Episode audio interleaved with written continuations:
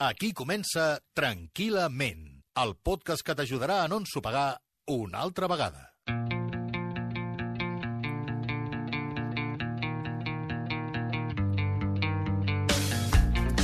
Bon dia, bona tarda, bona nit. El Pol i el Roger són molt amics, van a l'escola junts, els agraden les mateixes coses, però tenen uns pares molt diferents. El Pol ha suspès tres assignatures i els seus pares el castiguen. El Roger també ha suspès, però els seus pares li diuen que ja li sortirà millor més endavant. Segurament cap dels dos ha actuat malament, vés a saber. Però els pares dels companys de classe del Roger no ho veuen amb bons ulls.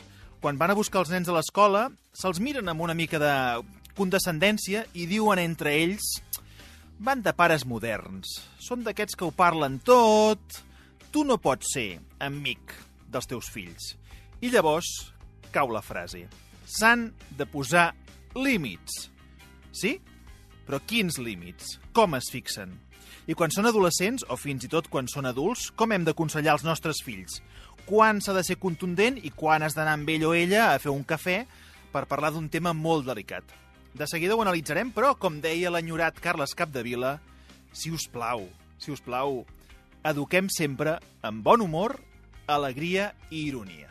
Tot això, aquests canvis, eh, mantenir aquesta essència, ser artesans, ho hem de fer amb sentit de l'humor, és a dir, ho hem de fer amb alegria.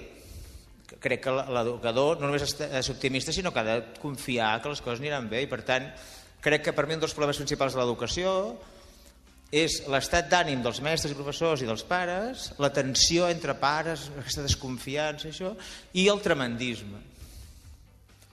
El tremendisme. Perquè jo, tot i que us he pintat un panorama dif difícil, vaig perdent tot, un interregne, eh, que hem d'inventar-nos-ho tot, tot i això jo trobo que és divertit. Que educar és apassionant i és divertit. Jo crec que és la millor feina del món, com a pare, com a mestre, jo crec que és una feina interessantíssima. I per tant, crec que no ens podem permetre el luxe d'estar tot el dia tensos, enfadats, eh, saps, amargats, perquè el canvi que hem de fer és importantíssim, però l'hem de fer sobre amb alegria. I, I crec que la ironia és més educadora moltes vegades que altres coses. I crec que, per exemple, jo dic molts pares, no? un, a vegades el, el, el, sobretot els pares i mares aquests d'avui dia complexadíssims que anem pel món que, que, que el nen davant una piruleta i hem de parlar, fem reunions per tot hem de parlar, el teu pare i jo hem decidit que aquesta piruleta no té els nutrients necessaris per tu i em sap greu privar-te de no sé què, és dir, estem fent una societat complexada eh, que educa des de la por i no des de la confiança no? i mestres també, això no m'hi fico perquè això no sé què, això ja s'ho farà, no sé i crec que s'ha de recuperar una visió global, artesana i una visió alegre. El meu pare em va educar sempre irònicament, el meu pare no em comprava mai res i el tio em deia que sí, perquè la ironia et permet dir que sí. Jo demanava xutxes i em deia, i tant, vés a la botiga, agafa-ho tot, ja passaré a pagar-ho. I tu ja veies. Tu ja veies que no. I per tant jo crec que el futur de, de la innovació, l'educació, això passa per recuperar valors tan importants com el sentit de l'humor, com l'alegria, com la ironia. Enyoradíssim el Carles Capdevila. Xavier, benvingut. Moltes gràcies, Com aquí estàs? estem. Molt bé, molt bé. Escoltant atentament les paraules del, del Carles. Un home Humor, savi. alegria i ironia. Avui ens hem decidit entrar en un tema que encara no havíem tocat, que és la psicologia dins de l'educació, importantíssim, i per no fer-ho com una mena d'elefant, eh, hem triat un punt de partida que és la relació pares-mares, fills-filles, amb l'amistat pel mig. A veure, és evident que, que, que tot plegat canvia molt amb l'edat, eh? eh? Adolescents, adults, el que sigui. tant. I, i, i la manera d'afrontar-ho també segons l'edat dels pares, segurament, també, no? Però d'entrada, així, per començar, per anar agafant terreny, com hem d'afrontar una conversa amb, amb els fills? Com, com es fa això? Home, si seguim el mestre, doncs amb sentit de l'humor. Però el fill o filla en pot haver fet de l'alçada d'un campanar Sí. i potser no ens vindrà tant de gust a, a fer-ho amb sentit de l'humor. D'acord, però aquí és eh, una dialògica, la paraula dialògica eh, és, contra, és com contrària a dialèctica. Quan hi ha dialèctica és com un joc d'espadatxins. Sí. Tothom vol tenir raó. Sí. I a veure qui la diu més grossa, Sí. o a veure qui té més habilitat en, en, en manifestar allò que vol dir, no? I amb això, doncs mira, hi ha nanos i nenes que són molt espavilats i pares que també ho són. I amb això no arribarem enlloc. Vols dir que és una batalla de veure qui s'expressa millor i qui fa el cop I- de porta més ben fet, I no? ja més sabem, ben exacte, i ja sabem com anirà això. Uns tindran uns arguments i els altres els negaran tots. I, i, I estem sempre amb aquest joc dialèctic. Moltes vegades hi ha uns arguments que venen per part dels fills que és eh, ets un mal pare, ets una mala mare, Exacte. no m'entens, no m'entendràs mai, i llavors el pare respon o la mare respon, quan tinguis 18 anys Ja ho ja sabràs, podràs fer el que et doni la gana. De moment, vius a casa meva. Exacte. Això Llavors, així. a partir d'aquí eh, no hi ha diàleg, perquè l'únic que hi ha són prohibicions i eh, el que pot estar bé. Això està bé, això està malament. Per tant, això tens permís, això tens prohibit. Això tens permís, això tens prohibit. Però, clar, en el fons no deixa de ser una mica el factor que els pares han d'executar. És a dir, en la seva funció dir que de és la pares... feina dels pares. La feina dels pares ja és aquesta, educar. Una altra cosa és que el Carles diu, escolti, però afegeixi humor, que no tot sigui permisos i, i sí, obligacions. sí, la Escolta, això ho pots fer, això no. I llavors, si ho fas bé, riurem. Si ho fas malament, et castigarem. Clar, aquesta, aquesta vida tan reduïda a permisos i obligacions o prohibicions, doncs no, no, no és agradable. Aleshores, una persona acaba dient tot el dia m'estan prohibint. En canvi, el que estem parlant és de ser dialògics, que vol dir ser A veure, capaços dialògics, de... eh, l'apunto. Sí, dialògics, que vol dir la capacitat de raonar. Què vol dir? Val, jo vull entendre el teu argumentari. El teu argumentari no pot ser eh, només perquè em ve de gust, perquè els altres també ho fan, de la mateixa manera que el meu no pot ser perquè sóc el teu pare. El que passa que eh, sabem que acabem aquí. Sí, sí, acaben moltes així. Però per què acabem acaben aquí? moltes així per les dues bandes, eh? Exacte. Perquè els de la classe ho fan tots o ho tenen tots, Exacte. i l'altre perquè sóc el teu pare i sóc la teva mare, que dona la sensació que és l'argument de quan no hi ha més arguments. Perquè al final també és veritat que algú ha de decidir. És a dir, di- quan una dialògica no és per decidir, és per comprendre. Per tant, tenim un diàleg no perquè decidim res, sinó perquè comprenguem. La decisió ja se sap qui l'ha de prendre. Perquè, a més a més, és la responsabilitat de qui l'ha de prendre. I la prendran els pares. No cal fer servir el perquè sóc el teu pare, sinó que al final dius jo hauré de decidir perquè tinc responsabilitat sobre teu i, per tant, faré allò que crec que és millor per tu. Per tant, en aquest Però punt... abans Sí. n'hem d'haver parlat que és millor per tu. Però, abans, o sigui, continuem en aquest punt, eh? Però també hi ha una altra possibilitat, sense preguntar-te encara si creus que els pares i les mares han de ser amics o amigues dels fills-filles. Aquesta pregunta la deixo per més endavant, però eh, flotem sobre aquesta qüestió. D'acord. Eh, el pare no pot dir fes el que creguis i ja t'ho trobaràs? Mira, És una altra sortida. Uh... És a dir, Ah. jo no decidiré, tu Sí. que vas tan d'adules- d'adult i tu que tens les idees tan clares, prova-ho, fes això i ja te n'adonaràs. Perquè, perquè llavors, com a pares, pressuposem que els fills o les filles aprendran del que els hi passi en aquesta situació. uh, això és un... Que no sé si és molt suposar, eh? però vaja. Clar, dependrà de la situació. Dependrà de la situació. Per, per tant, hi han converses que no les podem generalitzar. I ara aquí tu i jo estem fent una Sí, mica de sí, generalització i, per tant, hi han converses que necessitaran de molta comprensió, per tant, de dialogar-ho molt, i hi han converses que senzillament un ha de ser una mica més llest que l'altre en aquest sentit d'astúcia una mica. Els pares han de ser una mica més astuts i amb sentit de l'humor, no? com deia el Carles.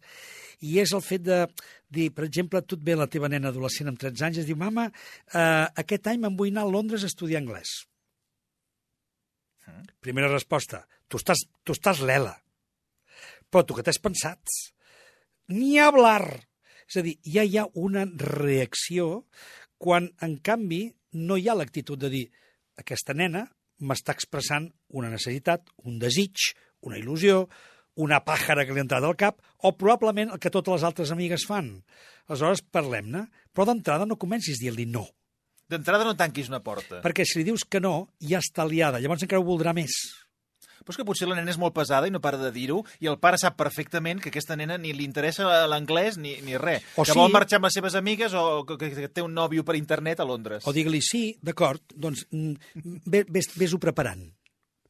D'acord, Per això, aquesta és l'ironia del cap de vila. Començo preparant, del preparant, Cap de vila. ves-ho preparant. Vols xutxeries? Sí, sí, compra-les, ja les Sí. pago jo. No, no, però mateix. preparant. Vols anar a Londres? Ves preparant, ves preparant, fent... ves preparant. Porta'm un pla, porta'm amb qui aniràs, porta'm qui, qui ho costejarà tot això, porta'm això. Aquí estàs desmanegant la criatura, eh? Clar, però és que és aquest l'argumentari, que és un, argu- un argumentari dialògic, la que puguis no discutir, sinó fer que l'altra persona també pugui comprendre el teu punt de vista. I, a més a més, si comences pel no, tot anirà malament. Perquè només per dir que no ja tindràs la guerra. En canvi, per què no comences per un sí i anem veient? Anem veient i en aquest cas té pinta de que la nena passarà les vacances a, escolta'm, a Tossa de Mar, que és preciós, i també hi ha anglesos i ella també podrà practicar. Probablement, però ja hi arribarem, ja hi Sí, sí. arribarem. Escolta'm, ara que estem parlant de problemes i si donem la responsabilitat als fills o a les filles d'intentar resoldre'ls per ells mateixos, si hem de ser amics, no hem de ser amics, com afrontar aquestes situacions, jo de vegades m'he trobat amb un comportament, de vegades els nanos tenen un comportament poc adequat amb els pares, per exemple, per entendre'ns una mala resposta, o sigui, contesten malament, el que s'ha dit tota la vida, contestar malament, i els pares, com dius tu, en aquest cas, no actuen de seguida. He vist pares que s'aturen eh, en el cas d'una mala resposta, i els hi fan una reflexió als fills eh, de com d'inadequat ha estat aquest comentari, que això no s'ha de dir, rumia tu, eh, fes una mica d'introspecció, pensa si has actuat com eh, bé o malament, i quan ho sàpigues, llavors m'ho dius. I tu, que tu mires des de fora, penses, bueno, és que li ha faltat claríssimament el respecte. Sí. Eh, És que aquí sí que faltava una resposta contundent i dir, què m'has dit? O no. Què perquè- m'estàs dient? I en canvi pressuposen que el fill o la filla, en lloc de tenir-hi aquí una, una, bueno, una resposta com a mínim per aturar aquella situació, els nens, per ells mateixos, ja reflexionaran sobre el que han fet, eh, si està bé o està malament. Jo quan he vist actuar d'una forma més... Eh, que, que jo he pensat, ostres, ja m'agradaria que m'ho haguessin fet a mi això de petit, eh, i no perquè no m'ho fessin a mi malament, eh?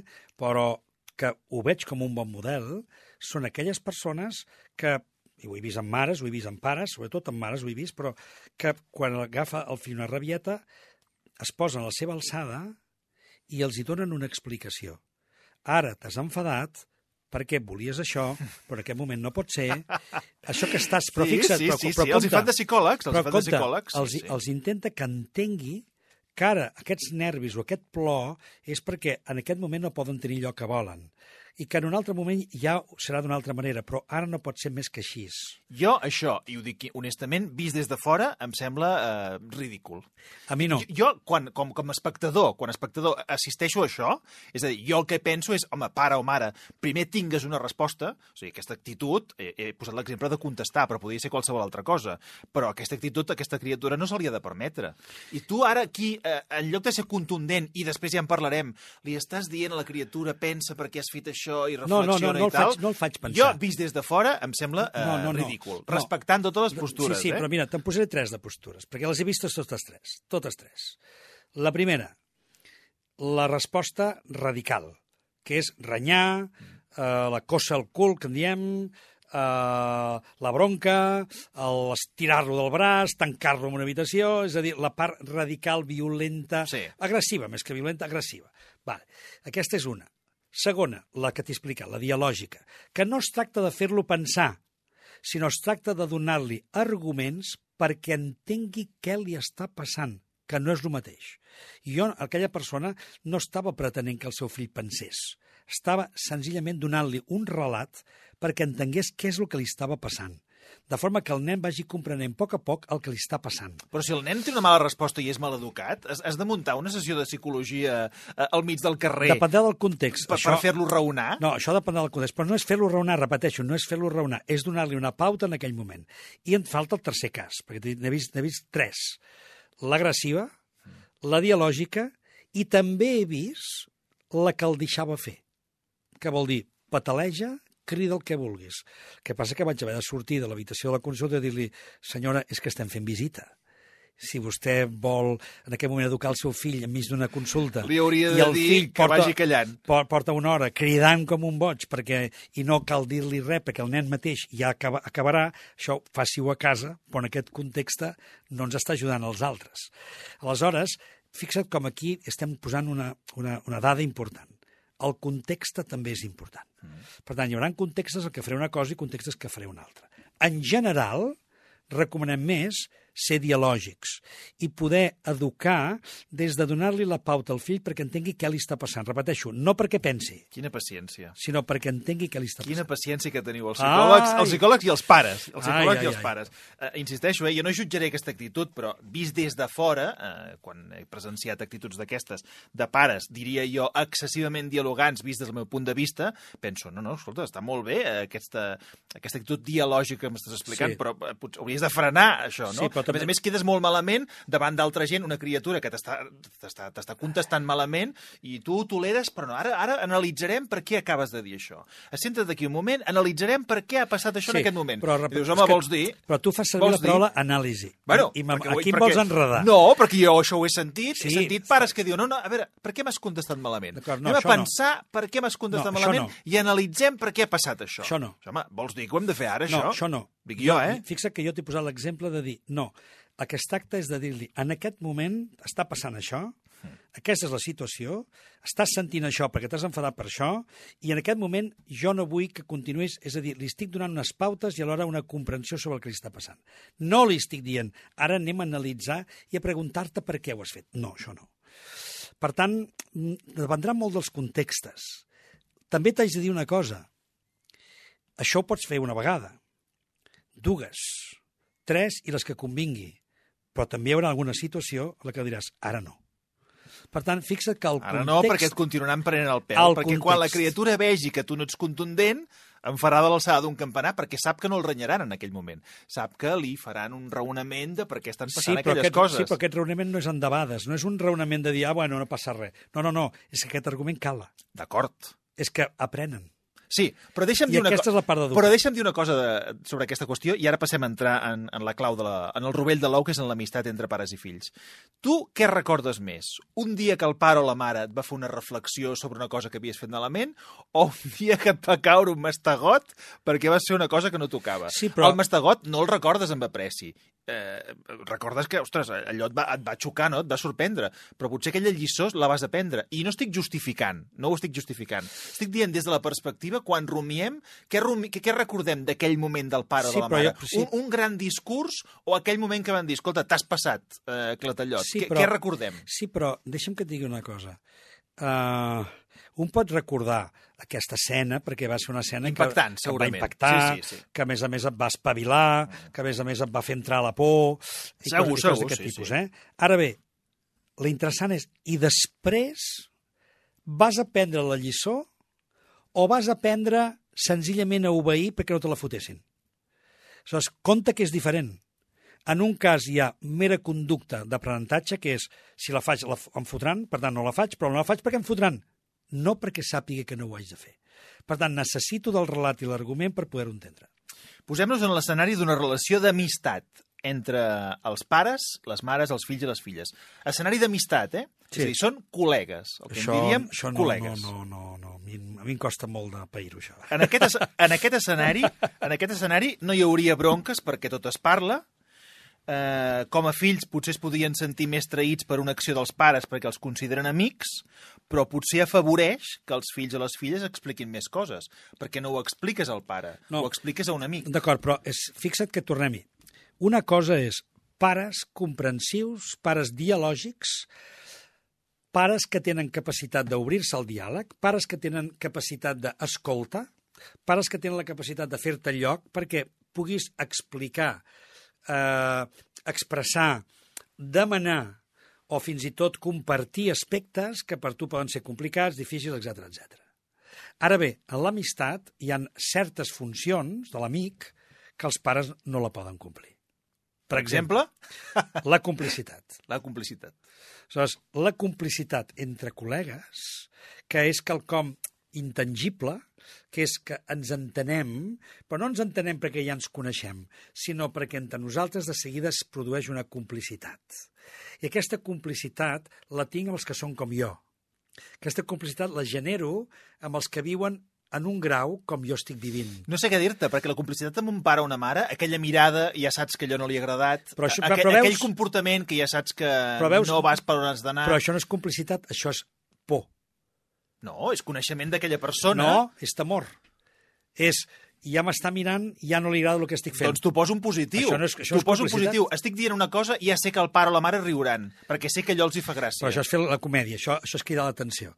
És a dir, però, però No, perquè els conec, i, i, i, i, i els conec, i anava, anava a dir, Clar. perquè tenen la meva complicitat. No, complicitat no.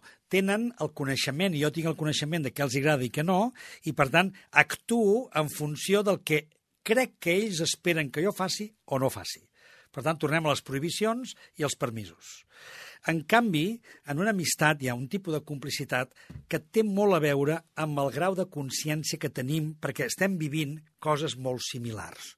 Aleshores, un pare, una mare, no pot viure el mateix grau d'experiència que està vivint la seva filla. Una nena, un nen adolescent, que està en primeres experiències de sexualitat, etc etc, això ho comparteix amb els seus. Ho pot compartir a casa? Sí, en un sentit de necessito explicacions, necessito ajuda, necessito que m'expliqueu... Però què millor compara una mare amic per explicar-los tot no, això? amic no. Amic no, pare o mare. Perquè... Sen... I confident. Amic i confident. No, la confidència no pot ser entre pare i mare, perquè aleshores entrem en una intimitat que fins i tot pot ser, mm, no vull posar la paraula perversa, però és desagraïda. Per què?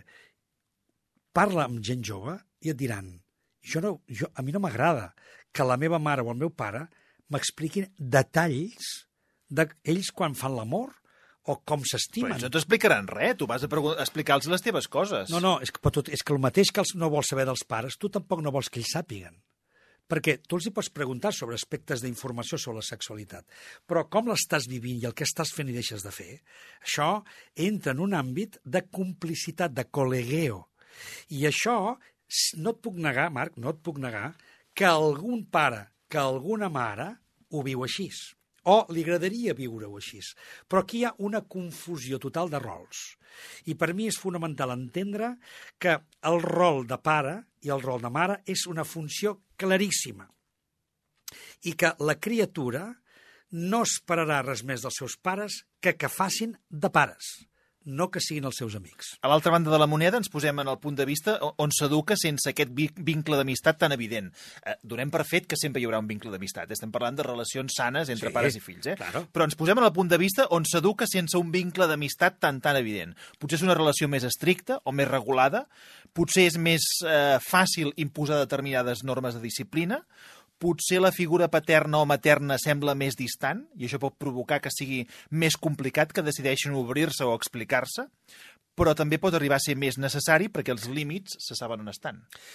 Però fixa que m'has posat pràcticament tots els casos gairebé de, de neurosi psicològica de la gent que ve eh, i que té problemes familiars.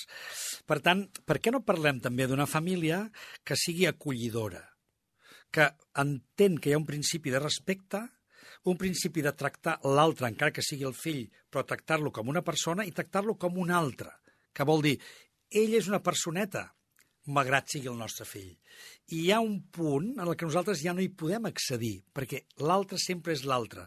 I nosaltres podem ajudar-lo, obrir-nos a la seva experiència, ajudar-lo estar en una condició funcional, sobretot i, i, i primària, de protecció, d'acolliment, de cura i de procurar-li la seva expansió personal llavors, i a la vida. Llavors, quan els adolescents diuen els meus pares no són tan enrotllats com els teus, què vol dir? Que els meus pares no hi puc confiar tant, que no m'hi obro tant, que són tancats, que són hermètics, que no hi tinc la relació de col·legues que hi tenen els meus sí, amics. Sí, però no seria de col·legues, sinó a vegades pot ser els teus pares són de bon rotllo perquè pots parlar les coses en canvi, en els meus, decidem estar enrenyant. Val. Per tant, això sí que em sembla interessant, que hi puguis parlar no vol dir que hi hagis de ser amic. Perfecte, ho has entès perfectament. És això. Per això jo he, he fet servir des del principi la paraula dialògica. És molt important que entre pares i fills hi hagi diàleg. Es, escolta, capacitat d'escolta, capacitat de comprensió. Però el col·legueo ja és una altra cosa. Ja és compartir una intimitat, és compartir un moment de vida, és compartir coses que ho fas amb els que són com tu, però no ho pots fer amb una altra persona que, que té una altra funció. No vull acabar sense parlar un moment de la relació entre pares i fills adults. Anem des de pares molt controladors, que sembla que no acceptin que els seus fills han crescut, fins a fills que, com que ja són adults, passen del control patern o matern eh, la, la relació més adequada, o la relació, no vull fer servir la paraula adequada, la relació més, sa, més sana, quina seria? És a dir, els nostres fills ja no són aquests adolescents de la piruleta, ni de la porta, sí. ni de la sexualitat, sinó que ja són adults i fan la seva. Com a, com a fills eh, o com a pares, com ens hauríem de comportar? En la distància, amb un cert control, amb una porta oberta, o amb una relació més, eh, més al minut, veure, més al dia a dia, continuen porta, sent els pares. Sí, porta oberta, porta oberta, això per segur, capacitat d'acollida, capacitat d'escolta, tornem, no, no, no deixem aquests grans productes, i en acabat hi ha un tema que no n'hem parlat, però és el tema de la protecció. Si et passa res, aquí som. Per tant, aquesta sensació de dir em passi el que em passi la vida, sé qui són, és molt important. I fixa que aquí no espero un col·legueo, no espero que hi hagi bon rotllo, No espero que vingui a buscar amb cotxes i Exacte. si he agafat una turca, no? sinó simplement espero que hi siguin. Que li pugui explicar l'endemà per què la vaig agafar. Exacte, i que hi siguin, i que si m'han de venir a buscar i portar-me a l'hospital per m'arregli la turca, doncs ho faran. Per què? Perquè aquesta és al final una funció cuidadora que és fonamental perquè tinguem una autoestima sana. Per tant, que sentim que per una banda estem protegits, però per l'altra que no ens controlen, sinó que ens promouen. Vinga, endavant, vinga, fes, vinga, explora, que nosaltres som aquí.